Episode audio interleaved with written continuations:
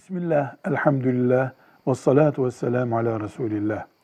Tabancasını temizlerken, tabanca ateş aldığı için kendi çocuğunu öldüren bir baba nedir? Ya da ne yapacaktır? Bu hata ile öldürmedir. Hata ile öldürmeden iki şey ortaya çıkar. Bir, diyet yani kan bedeli. Bu kan bedeli takdir edilir. 100 devenin fiyatı kadardır. Yaklaşık 4 kilo kadar altın olarak takdir edilebilir.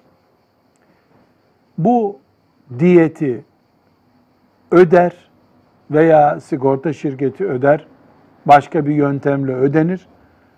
Baba ölüm sebebi oluşturduğu için bu diyetten pay alamaz. Diğer varisleri, çocuğun diğer varisleri, kardeşleri ve annesi bu diyeti alırlar. Miras miras gibi. İki, baba ardı ardına hiç ara vermeden iki ay kefaret orucu tutar. Ve tövbe eder, istiğfar eder, Allah'ın rahmetine sığınır. Velhamdülillahi Rabbil Alemin.